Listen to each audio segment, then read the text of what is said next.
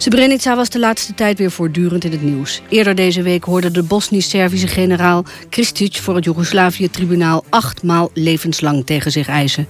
Wegens zijn verantwoordelijkheid voor de massamoord in Srebrenica. Vorige week ontstond er opnieuw opwinding over het beruchte fotorolletje van Dutchbed... dat in 1995 al dan niet bewust door de militaire inlichtingendienst zou zijn vernietigd. En de kranten melden deze week dat het NIOD, het Nederlands Instituut voor Oorlogsdocumentatie, dat onderzoek doet naar de val van Srebrenica, in verband daarmee kroonprins Willem-Alexander heeft gehoord. Srebrenica blijft steeds weer in het nieuws komen... omdat er zes jaar na dato nog steeds zoveel onopgehelderde vragen zijn. Vragen over wat er daar in Srebrenica is gebeurd. Maar ook vragen wat er zich hier in Nederland rond Dutchbed heeft afgespeeld. In Argos vandaag een nieuw verhaal. Over informatie uit Srebrenica die maar niet overkwam in Den Haag. En over de militaire inlichtingendienst die een schakel had moeten zijn tussen daar en hier.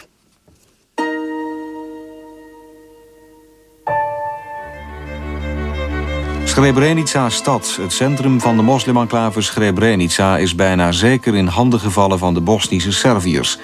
De Nederlandse VN'ers hebben hun posities rond de stad verlaten... en vluchten naar hun hoofdkwartier in het nabijgelegen Potocari.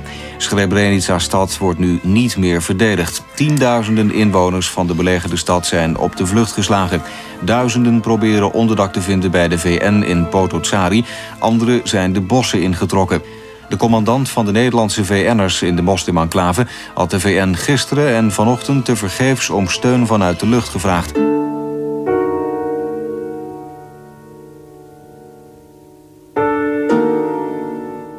Volgens de VN, op gezag van de VN, ook volgens, uh, dacht ik, de landmachtleiding... ging het uitsluitend om die Zuidoostpunt. Pas later zou blijken dat de bedoelingen van de Serviërs aanzienlijk verder gingen. En het antwoord was steeds... Uh, ook op de laatste dag nog, de ochtend van de tiende... dat uh, het inzicht was van de VN. Dat het uitsluitend ging om die Zuidoostpunt. Maken allemaal onze uh, inschattingen in zo'n situatie in uh, de mist van de oorlog. Niemand weet precies wat er verder gaat gebeuren. Um, Nederland had geen onafhankelijke eigen inlichtingen uit Servische bronnen.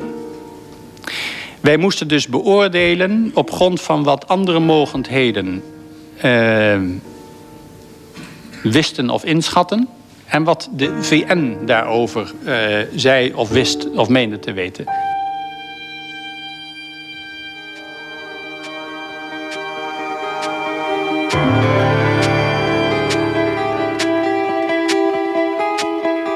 Als laatste hoorde u oud-minister Voorhoeven van Defensie... tijdens zijn verhoor vorig jaar mei door de commissie Bakker. Die commissie van de Tweede Kamer, onder leiding van D66-Kamerlid Bakker... onderzocht de Haagse besluitvorming rond de missie van Dutchbed in Srebrenica. Voorhoeven beklaagde zich erover dat Nederland in 1995 niet over voldoende en goed eigen inlichtingenmateriaal beschikte en moest afgaan op informatie van anderen. Maar was dat ook zo? Want zijn eigen militaire inlichtingendienst was in die dagen wel degelijk volop actief in en rondom Srebrenica. Voorhoeven raakt hiermee aan één van die kwesties rondom de val van de enclave, die zes jaar na dato nog steeds onopgehelderd zijn. Namelijk de vraag waarom in juli 1995 tot op het laatste toe de Servische aanval op Srebrenica is onderschat. Door de Verenigde Naties en zeker ook door Den Haag. Waar kwam die inschatting vandaan dat de Serviërs slechts een deel van de enclave wilden veroveren? En over welke informatie beschikte de militaire inlichtingendienst? Een verhaal over falende inlichtingendiensten en verkeerde inschattingen.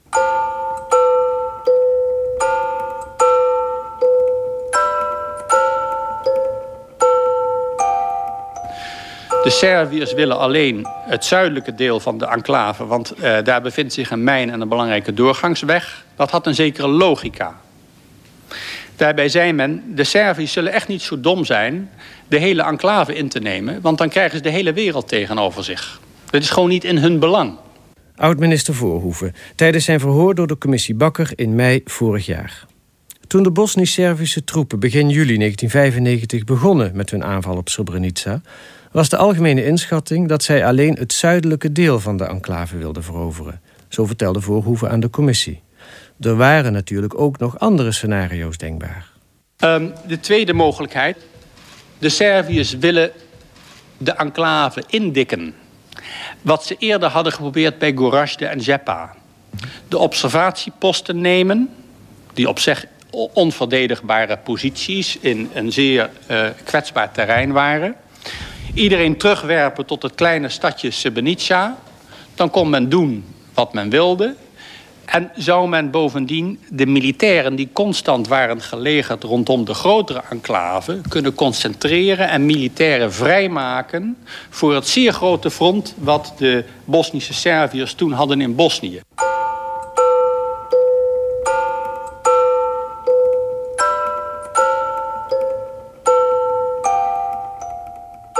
En dan was er natuurlijk altijd nog de mogelijkheid, zo vertelde Voorhoeven, dat de Serviërs de hele enclave onder de voet wilden lopen. Maar daar wilde eigenlijk niemand aan tijdens die spannende julidagen in 1995. Zelfs tegen beter weten in, zo vertelde topambtenaar De Winter vorig jaar tegen de commissie Bakker. De Winter was in juli 1995 directeur Algemene Beleidszaken op het ministerie van Defensie. Hij was toen frequent aanwezig in de zogenaamde bunker, het crisiscentrum onder het ministerie van Defensie, waar de top van het ministerie veelvuldig in crisisberaad bijeen was. Uh, een belangrijk onderwerp, uh, herinner ik mij, was steeds de vraag wat de bedoelingen waren van de Serviërs. Of ze van plan waren de hele enclave te veroveren, of dat het uitsluitend ging, zoals lange tijd werd aangenomen, om de zuidoostpunt van de enclave, waar een weg doorheen liep in de richting van Sarajevo. En volgens de VN, op gezag van de VN ook volgens, uh, dacht ik, de landmachtleiding, ging het uitsluitend om die zuidoostpunt. Pas later zou blijken dat de bedoelingen van de Serviërs aanzienlijk verder gingen. En het werd duidelijk, uh, een dag of drie, vier, dacht ik, althans wat mij betreft, uh, voor de val. Omdat de Serviërs observatieposten van Dutsbad begonnen aan te vallen aan de westzijde en aan de noordzijde van de enclave. Wat wat merkwaardig was als hun bedoeling uitsluitend waren de zuidoostpunt te bezetten. Uh, maar het is pas eigenlijk volstrekt duidelijk geworden dat de Serviërs de enclave wilden veroveren op de tiende, dus de dag voor, uh, voor de val. U zegt dus, een, wat u zelf betreft, een dag of drie eerder had u voor uzelf al het gevoel van... Uh, dit kunnen ze niet uh, mee dat ze het beperken tot die Zuidoost... Ik vond het heel merkwaardig en ik heb dat eigenlijk ook gevraagd. Hoe is het mogelijk als de bedoeling uitsluitend is de Zuidoostpunt... waarom vallen ze dan die observatieposten ver weg aan de westkant... en aan de noordkant van de enclave aan? En het antwoord was steeds, ook op de laatste dag nog, de ochtend van de tiende... dat het inzicht was van de VN. Dat het uitsluitend ging om die Zuidoostpunt. En vond u dat een uh, bevredigende reactie? Nee, ik, ik bleef mijn vragen houden. Maar uiteraard, als militaire deskundigen zeggen dat het zo is... dan begin je enigszins te twijfelen of het inderdaad wel zo is. Dus ik, ik wist niet zeker wat er nou precies gaande was. Heb je daarover ook met de minister Voorhoeven gesproken toen? In... Het kan, ik neem aan dat de minister bij een aantal van die briefings aanwezig was. Maar zeker weten doe ik dat niet meer. Maar u neemt dus ook aan dat de discussie binnen de bunker over die vraag... al eerder tot hem doorgedrongen zal zijn dan op die tiende? Dat kan, maar nogmaals, het standaard antwoord was... en dat mij enigszins verbaasde, maar dat werd gegeven op gezag van de VN... het standaard antwoord was, antwoord was het gaat om de Zuidoostpunt... en dus niet om de hele enclave. Hoge ambtenaar De Winter moest afgaan op het oordeel van de militaire deskundigen. En die bleven erbij dat de Servische troepen het niet om de hele enclave te doen was. Dat was zeker ook de opvatting van de top van de Nederlandse landmacht. Zelfs nog op 10 juli 1995, de dag voordat de enclave viel. Dat vertelde generaal Cousy, die in 1995 bevelhebber van de landstrijdkrachten was, vorig jaar tegen de commissie Bakker. Cousy was op die 10 juli ochtends vroeg samen met zijn plaatsvervanger generaal Van Baal, uitgenodigd om informatie te komen geven in de bunker onder het ministerie van Defensie. Het was dus vooral uh, uh, hoe schatten we het in? Uh, wat zou er gaan gebeuren? En de laatste informatie die we daar ter plaatse kregen... was dat generaal Mladic had geantwoord... dat hij persoonlijk zich naar de regio zou, zou verplaatsen... om persoonlijk ehm, leiding te nemen over het gebeurde. En ik dacht dat dat een positief signaal was. En toen ik met de auto, in de auto terugreed samen met uh, generaal Van Baal... zei de generaal Van Baal, nu begin ik me echt zorgen te maken. Want als generaal Mladic zegt, ik ga persoonlijk leiding geven... dan betekent dus dat er nu een echte aanval uh, komt. En dat was eigenlijk dus het eerste moment dat wij ervan uitgingen... dat er echt een aanval uh, in gang was gezet om de hele enclave dus te veroveren. En tot dat moment hadden we dus niet de, dat idee. Ook generaal Van Baal, die op dit moment de bevelhebber landstrijdkrachten is... maar in 1995 nog Koezies plaatsvervanger was... bevestigde dit beeld vorig jaar tegenover de commissie Bakker. Van Baal werd namelijk op die 10 juli... samen met Nederlands hoogste militair chef defensiestaf generaal van den Bremen... naar Zagreb gestuurd om daar te proberen bij UNPROFOR-commandant Janvier opheldering te krijgen. En zelfs toen Van Baal op de ochtend van 11 juli 1995 de dag dat Srebrenica viel, in Zagreb arriveerde, was hij er nog steeds niet van overtuigd dat de Serviërs het op de hele enclave hadden voorzien. Zo vertelde hij tegen de commissie Bakker. De ontwikkelingen die, in, uh, die wij zagen op afstand... Uh, die gaven aan dat er eigenlijk een, een, een situatie was... waarbij je uh, twee belangrijke alternatieven zou kunnen onderkennen. Eén alternatief. de Bosnische Serven nemen genoegen met een aanval... op het zuidelijke gedeelte van de enclave. Maar een tweede mogelijkheid was dat ze zouden proberen om verder te gaan... omdat al gedurende enige dagen ook aanvallen op andere locaties plaatsvonden. En we wilden daar duidelijkheid over hebben. We wilden van de commandant zelf weten... Uh, in hoeverre hij uh, een inschatting had gemaakt van, uh, van de bedoelingen van, van de Serven.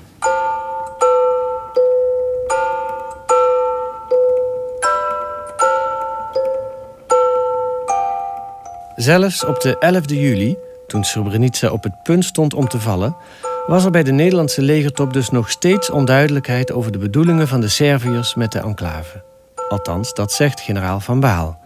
En dat is opmerkelijk, gezien de uitkomsten van een eerdere reis van de Nederlandse legertop naar voormalig Joegoslavië, drie maanden daarvoor, begin april 1995.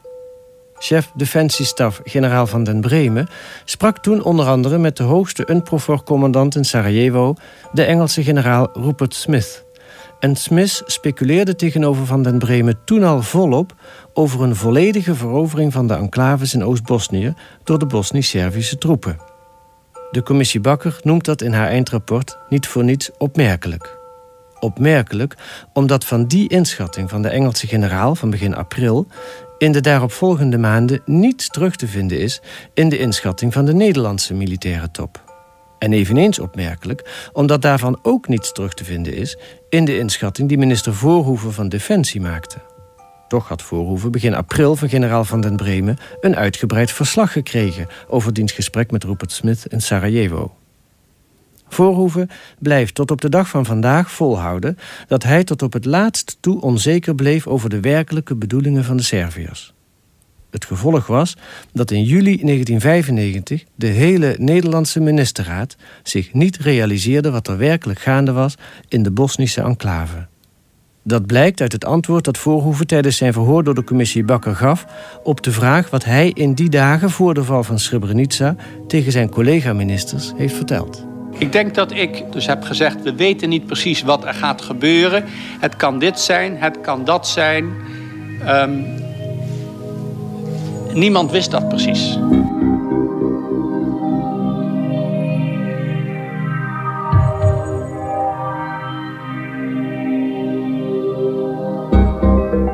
Nederland had geen onafhankelijke eigen inlichtingen uit Servische bronnen. Wij moesten dus beoordelen op grond van wat andere mogendheden uh, wisten of inschatten. En wat de VN daarover uh, zei of wist of meende te weten. Oud-defensieminister Voorhoeven beklaagde zich er vorig jaar voor de commissie Bakker uitgebreid over dat Nederland in 1995 niet beschikte over voldoende eigen inlichtingencapaciteit. Hij lijkt daarmee zijn eigen inlichtingendienst tekort te doen. Want de MID, de Militaire Inlichtingendienst, afdeling Landmacht, was volop actief tijdens en rondom de missie van Dutchbed in Srebrenica. Zo stelde de MID dagelijks een zogenaamd INTSUM op, een Intelligence Summary, een vertrouwelijk inlichtingenrapport over de situatie ter plekke en rondom Dutchbed. Maar wie deze rapporten van de Militaire Inlichtingendienst inkijkt, krijgt een onthutsend beeld voorgeschoteld. Om te beginnen het rapport van 7 juli 1995. De dag daarvoor is de Servische aanval op Srebrenica echt begonnen. Maar de MID maakt in haar rapportage slechts melding van verhoogde spanning in en rond Srebrenica. Verder zijn er, al dus de MID, geen ingrijpende wijzigingen op het gevechtsveld. En kenschetst de dienst de situatie in Bosnië zelfs als relatief stabiel. Wel spreekt de MID de verwachting uit dat de intensiteit van de gevechten waarschijnlijk zal toenemen. En dat het initiatief daarbij vooral bij de moslimtroepen zal liggen. Terwijl het juist de Servische troepen zijn die op dat moment de aanval op Srebrenica volop hebben ingezet. Drie dagen later, op 10 juli, de dag voordat de enclave valt, schrijft de MID. Militaire inlichtingendienst, afdeling Landmacht, Insum 13095. 10 juli 1995, 12 uur plaatselijke tijd. Het heeft er alle schijn van dat de VRS, het Bosnisch-Servische leger, met zijn huidige optreden in de Srebrenica-enclave verbetering van de controle over het zuidelijk deel van de enclave beoogt. De VRS wil met zijn huidige actie waarschijnlijk een betere controle over de voor de Bosnische Serviërs belangrijke Oost-West verbindingsweg ten zuiden van de enclave verkrijgen. De VRS lijkt dan ook geen volledige bezetting van de Srebrenica-enclave na te streven. Dus op dat moment, als in Srebrenica Dutchbed steeds verder in het nauw wordt gedreven en Dutchbed-commandant Karmans wanhopig om luchtsteun smeekt, denkt de MID nog steeds dat de Serviërs slechts een stukje van de enclave willen bezetten. En ook de volgende dag, 11 juli 1995, de dag dat de enclave Srebrenica valt, blijft de inlichtingendienst in dat standpunt volharden. Militaire Inlichtingendienst, afdeling Landmacht, Insum 131 95, 11 juli 1995, 12 uur plaatselijke tijd. Ondanks de recente ontwikkelingen lijkt het nauwelijks waarschijnlijk dat de Bosnische Serviërs de Srebrenica-enclave volledig willen innemen en zullen blijven staan op ontruiming. Het lijkt namelijk niet in het belang van de Bosnische Serviërs om de moslims in de enclave toe te staan zich naar een ander deel van Bosnië-Herzegovina te begeven. Dit zou de achtste operationele groep, circa 3000 tot 4000 man, in de gelegenheid stellen de Bosnische regeringsstrijdkrachten elders te versterken. Bovendien beschikt de VRS ook niet over voldoende infanterie om de enclave duurzaam te bezetten. Vooralsnog lijkt bij de recente gebeurtenissen vooral sprake van een Bosnisch-Servische poging om de besluitvaardigheid van de VN te testen. De VRS heeft zijn opmars mogelijk verder doorgezet dan aanvankelijk was voorzien. Deze volkomen verkeerde inschattingen van de situatie in Srebrenica door de MID zullen er ongetwijfeld toe hebben bijgedragen dat men ook op het ministerie in Den Haag tot het laatst toe is blijven geloven in een slechts gedeeltelijke bezetting van de enclave. Maar de MID gaat door. Op 12 juli 1995, als de enclave de dag daarvoor helemaal onder de voet is gelopen, lijkt de opsteller van de inlichtingenrapporten zijn verkeerde inschattingen van de voorafgaande dagen nog steeds niet te willen erkennen. Hij schrijft. Het moet worden betwijfeld of de bezetting van de Srebrenica-enclave door de Bosnische Serviërs is ingegeven door vooraf bepaald beleid.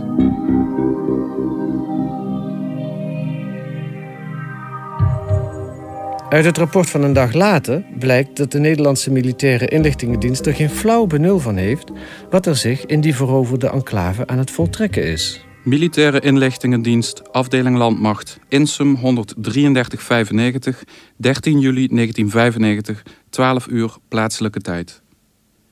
De VRS-strijdkrachten, Bosnische Serviërs, controleren de enclave nagenoeg volledig. Momenteel zoekt de VRS nog naar ABI-strijders, Bosnische regeringsstrijdkrachten, die het onherbergzame terrein zijn ingevlucht. De VRS voert de moslimbevolking af naar centraal Bosnië-Herzegovina. De weerbare mannen worden verzameld in Bratunac, ten noorden van de enclave. De Bosnische Serviërs willen in Bratunac onderzoeken of zich onder de hier verzamelde groep mannen oorlogsmisdadigers bevinden.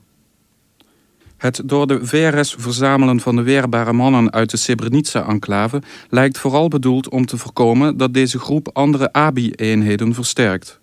Er moet dan ook nog worden afgewacht in hoeverre de Bosnische Serviërs bereid zijn deze groep te laten gaan. Internering in een krijgsgevangenkamp moet dan ook niet worden uitgesloten. Internering in een krijgsgevangenkamp. Uit het Nederlandse inlichtingenrapport klinkt geen enkel besef door van het lot dat de mannelijke moslimbevolking van Srebrenica te wachten staat. De volgende dag, 14 juli 1995, schrijft de inlichtingendienst over de moslimmannen van Srebrenica niet meer dan dat zij zich in Bratunac zouden bevinden en dat hun positie onbekend is. Na het vertrek van het grootste deel van de moslimbevolking uit Srebrenica blijven de mannen ouder dan 16 jaar, voor zover zij zich nog in de handen van de VRS bevinden, in een gijzelaarspositie.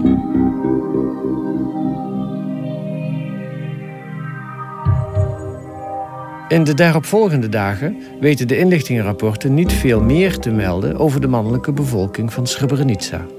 Op 17 juli schrijft de MID het aantal moslims, voornamelijk mannen ouder dan 16 jaar, dat bij de VRS-aanval op Srebrenica gevangen is genomen en afgevoerd, bedraagt volgens de laatste schattingen circa 4000.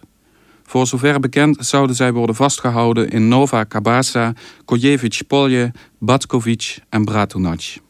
In de dagen daarna is de aandacht voor de mannen van Srebrenica in de rapportages van de militaire inlichtingendienst helemaal weggeëpt.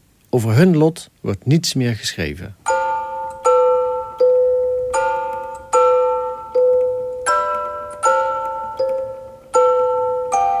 De INTSUMS, de inlichtingenrapporten van de Militaire Inlichtingendienst, afdeling Landmacht, leveren dus een triest beeld op.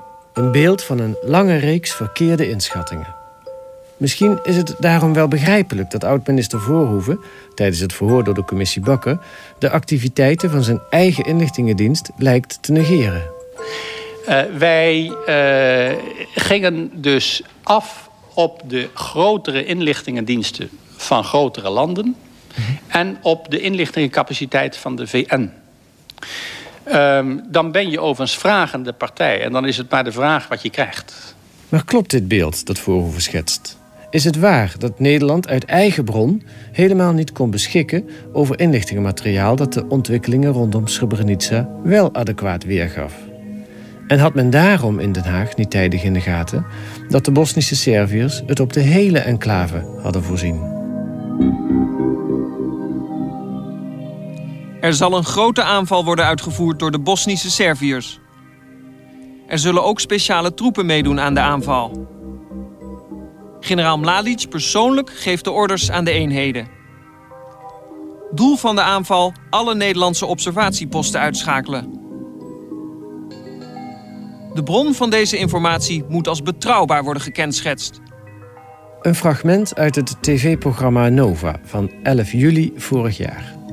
Het zijn citaten uit een fax die toen door Nova werd onthuld. Een fax die aan duidelijkheid niets te wensen overlaat. Er is een grote aanval op Srebrenica opkomst die zich zeker niet zal beperken tot slechts een deel van de enclave. De fax is vanuit de enclave verstuurd door Dutchbed-commandant Karamans op 8 juni 1995, dus een maand voordat de Servische aanval op Srebrenica begon. Het bericht ging naar het VN-commando in Sarajevo, waar de Nederlandse generaal Nicolai chefstaf was, naar het VN-commando in Tuzla, waar de Nederlandse kolonel Brands zat, en naar Den Haag, naar de crisisstaf van de landmacht, die onder leiding stond van toenmalig plaatsvervangend bevelhebber landstrijdkrachten generaal Van Baal. Kolonel Brands verklaarde in Nova dat hij de fax nooit onder ogen heeft gehad. En volgens Nova heeft generaal Van Baal de fax nooit doorgestuurd naar minister Voorhoeven. Misschien is de reden dat er met dit alarmerende bericht niets gedaan is, de bron van de informatie. Dat was namelijk de inlichtingendienst van de moslims. Men vond informatie afkomstig van het moslimregeringsleger blijkbaar niet betrouwbaar genoeg. In Nederlandse militaire kringen klonk wel vaker wantrouwen tegenover de moslims door. Wel stelt dit een opmerking die oud-minister Voorhoeven tegenover de commissie Bakker maakte, in een wat vreemd daglicht. Ik stel vast dat wij uh, geen uh, tijdige uh, adequate uh, waarschuwingen van andere inlichtingendiensten hebben gekregen over wat er stond te gebeuren. Ik zeg met opzet geen tijdige adequate waarschuwingen. Uh, Nederland heeft zijn eigen analysecapaciteit maximaal benut en bleef dus met de fog of war zitten. Oud-minister Voorhoeven. Maar heeft Nederland zijn eigen analysecapaciteit wel maximaal benut, zoals Voorhoeven stelt. Want het verhaal gaat nog verder. Ook binnen het eigen inlichtingenapparaat van Dutchbed en de Nederlandse landmacht waren er wel degelijk mensen die de ontwikkelingen rond de enclave wel juist en adequaat hebben ingeschat. Alleen werd met hun informatie niets gedaan. Althans, dat blijkt uit een aantal documenten. Verslagen van gesprekken met hoge officieren van de militaire inlichtingendienst. En die gesprekken hebben eind juli, begin augustus 1995 plaatsgevonden. Allereerst is er het verslag van een gesprek op 25 juli 1995 met een van de hoogste officieren van de MID bij de landmacht, hoofd inlichtingen en veiligheid Bokhoven. Daarin komt, onder andere onder verwijzing naar de insums van de MID, weer het inmiddels vertrouwde beeld naar voren. De totale verovering van de enclave was niet te voorzien. Bokhoven toont de rapportages verbindingsinlichtingen afgesloten 6 juni met het oog op eventuele voorkennis van de Servische aanval. Hij bevestigd dat niets concreet wees op ongebruikelijke Servische troepenbewegingen of de aanwezigheid van ongeïdentificeerde eenheden in het gebied voor de aanval op Srebrenica. Volgens Bokhoven heeft ook de opsteller van de Insums, afdeling inlichtingen A1, vooraf geen bijzonder patroon in het gedrag van de Bosnisch-Servische strijdkrachten ontdekt. Ook voor troepensteun vanuit Klein-Joegoslavië zijn geen harde aanwijzingen. Het andere document zet zich duidelijk af tegen deze visie van een van de hoogste MID-bazen. Het bevat het verslag van een gesprek op 1 augustus 1995 met major R. de Ruiter, Rob de Ruiter. Hij is ook van de MID en wel hoofdveiligheid van de directie Operatiën van de Koninklijke Landmacht. Over de aanloop tot de aanval van de Servische troepen op Srebrenica stelt het verslag. Volgens de Ruiter heeft sectie Veiligheid vooral op basis van Ravens rapportages, wel degelijk de Servische bedoelingen, dit is inname enclave, tijdig doorzien. Het patroon van de Bosnisch-Servische strijdkrachten, dat wil zeggen het uitmergelen van het bataljon tot het rijp was voor rotatie, was immers als uit het boekje. Bovendien waren verplaatsingen van het geschut van het Bosnisch-Servische leger en van het Bosnische regeringsleger gemeld en het Bosnische regeringsleger was druk met stellingbouw. Volgens de Ruiter wilde echter niemand bij de sector Noordoost, in het bataljon of bij de sectie inlichtingen naar deze signalen luisteren. We waren roepende in de woestijn. Iedereen, inclusief het Bosnië-Herzegovina Command, bleef tot het laatst geloven dat het de Bosnisch-Servische strijdkrachten alleen ging om de zuidoostelijke hoek en het kruispunt. Aan de bron waarnaar major de Ruiter verwijst, wordt in het verslag een apart PS gewijd. PS de Ruiter heeft het gros van de informatie over de interne verhouding in het bataljon via zijn contactman Rave. Rave is sergeant-majoor E. Rave. Rave zat in Srebrenica bij Dutchbed. Hij zat er eigenlijk als inlichtingenman, maar trad tegelijkertijd ook op als liaison-officier. Dat is de officier die het contact moest onderhouden met de strijdende partijen. Rave verving de eigenlijke liaison-officier van Dutchbed... omdat die na verlof door de Serviërs niet meer tot de enclave werd toegelaten. Door deze liaisonfunctie behoorde Rave tot de staf van Dutchbed-commandant Karamans... en was bij alle belangrijke besprekingen. Hij was bijvoorbeeld ook aanwezig bij de gesprekken die Karamans voerde... met de Bosnisch-Servische generaal Mladic. Rave zat dus overal met zijn neus bovenop. Voor een inlichtingenman een ideale positie. In het gespreksverslag met major de Ruiter wordt dan ook bijna tevreden opgemerkt over deze dubbelfunctie van sergeant-major Raven, dat hij hem veel bewegingsvrijheid en ruimte om informatie te verzamelen Een ideale positie ook om goed op de hoogte te zijn van de voortekenen van een Servische aanval.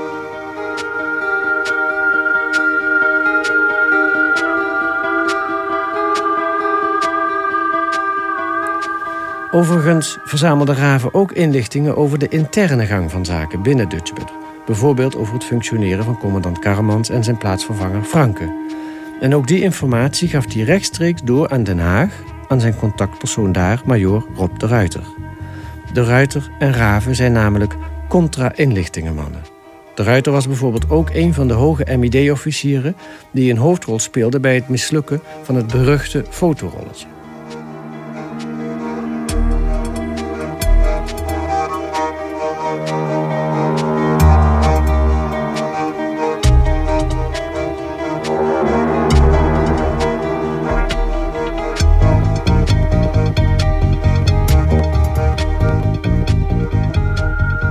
Luistert naar De Ochtenden op Radio 1. De VPRO met Argos. Vandaag over de val van Srebrenica. Deze maand precies zes jaar geleden. Waarom werd bij die dramatische gebeurtenissen in juli 1995... tot op het laatst de aanval van de Serviërs onderschat? En over welke informatie beschikte de militaire inlichtingendienst? Binnen de militaire inlichtingendienst vormen inlichtingenwerk en contra-inlichtingenwerk een essentieel verschil, zegt Ab Harwijn. En Harwijn is defensiewoordvoerder voor GroenLinks in de Tweede Kamer. Maar Harwijn is ook het enige Kamerlid dat in beide onderzoekscommissies heeft gezeten... die vanuit de Tweede Kamer onderzoek hebben gedaan naar de val van Srebrenica. De commissie Bakker en de werkgroep Blauw die aan de commissie Bakker voorafging. Je hebt inlichtingen en veiligheid, hè? Uh, veiligheid en contra-inlichting heet dat. Inlichtingmensen zijn ervoor om uh, te weten te komen wat, wat, wat doet de omgeving. Hè. Wat doen de Serviërs, wat doen de moslims. Uh, en dat, dat, daar was men met een officiële lijn via Zagreb Sarajevo kwam dat binnen. Dat liep via de VN dan? Dat liep via de VN. Maar men had ook gewoon ter beveiliging ook van de eigen bataljon zogenaamd contra-inlichting. Uh, mensen die zijn er altijd die in de gaten houden dat mensen niet, uh, of militairen niet ongeoorloofde betrekkingen aanknopen met een van de partijen of aan het handelen of weet ik wat allemaal zijn. Dus zeg maar de inlichtingen mensen die de eigen mensen ja, bespioneren. Ja, ja, dus de eigen mensen, om het maar, maar, een beetje raar te zeggen, een beetje bespioneren.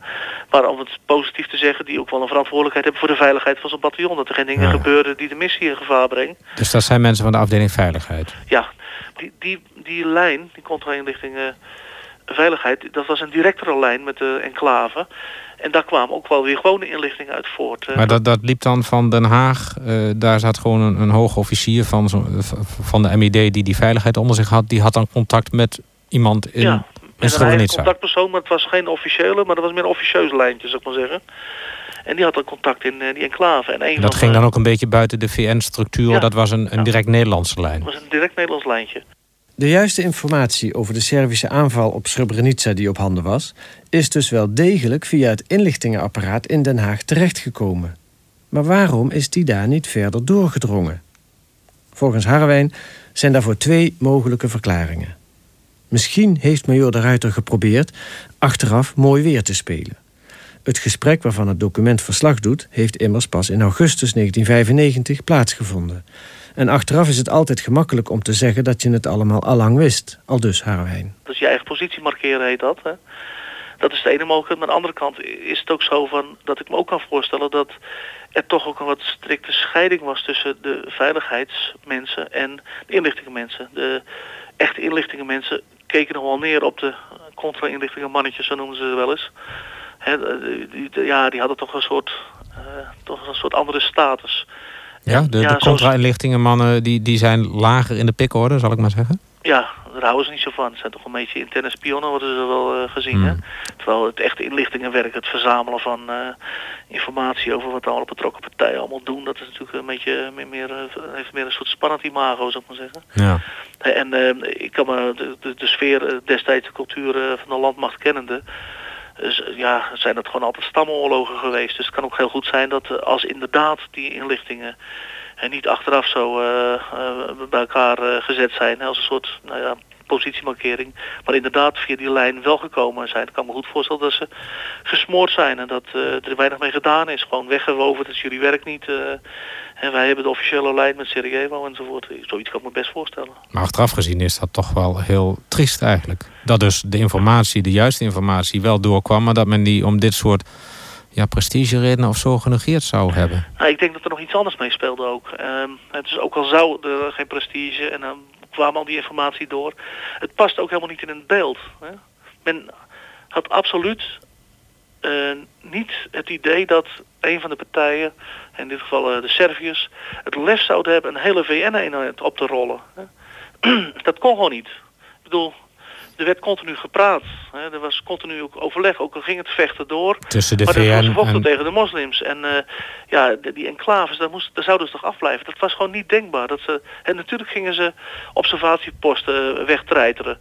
Gaan ze proberen de enclave kleiner te maken. Ik bedoel, dat konden ze zich allemaal voorstellen. Maar het idee dat er een, door de VN beschermde, hè, door aanwezigheid beschermde enclave helemaal opge met geweld opgerold zou worden, dat was ondenkbaar. En, en wie bedoelt u dan met ze? Uh, de mensen in Den Haag of de leiding van de VN? Uh, al, allen. Allen. Allen uh, hebben niet verwacht dat dit kon gebeuren. Srebrenica stad, het centrum van de moslimenclave Srebrenica... is bijna zeker in handen gevallen van de Bosnische Serviërs. De Nederlandse VN'ers hebben hun posities rond de stad verlaten... en vluchten naar hun hoofdkwartier in het nabijgelegen Potocari.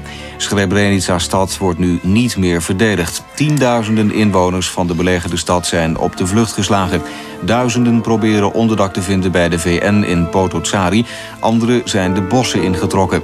De commandant van de Nederlandse VN'ers in de moslimenclave... had de VN gisteren en vanochtend tevergeefs om steun vanuit de lucht gevraagd.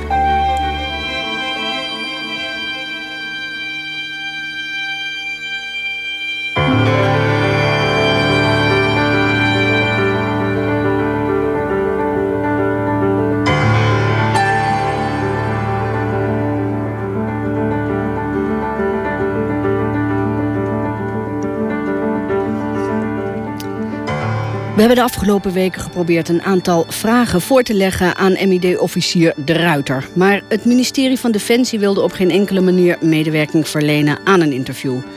Vanwege het onderzoek van het NIOD naar Srebrenica waaraan wij meewerken. Al dus een woordvoerder van het ministerie. Zelfs schriftelijke vragen indienen had volgens hem geen zin. De rol van de militaire inlichtingendienst komt overigens naar verluid uitvoerig aan bod in het onderzoek van het NIOD. Argos werd deze week gemaakt door Kees van der Bos, Stefan Heidendaal, Rinse Blanksma, Jan-Hendrik van der Veen, Huub Jaspers en Gerard Legebeke.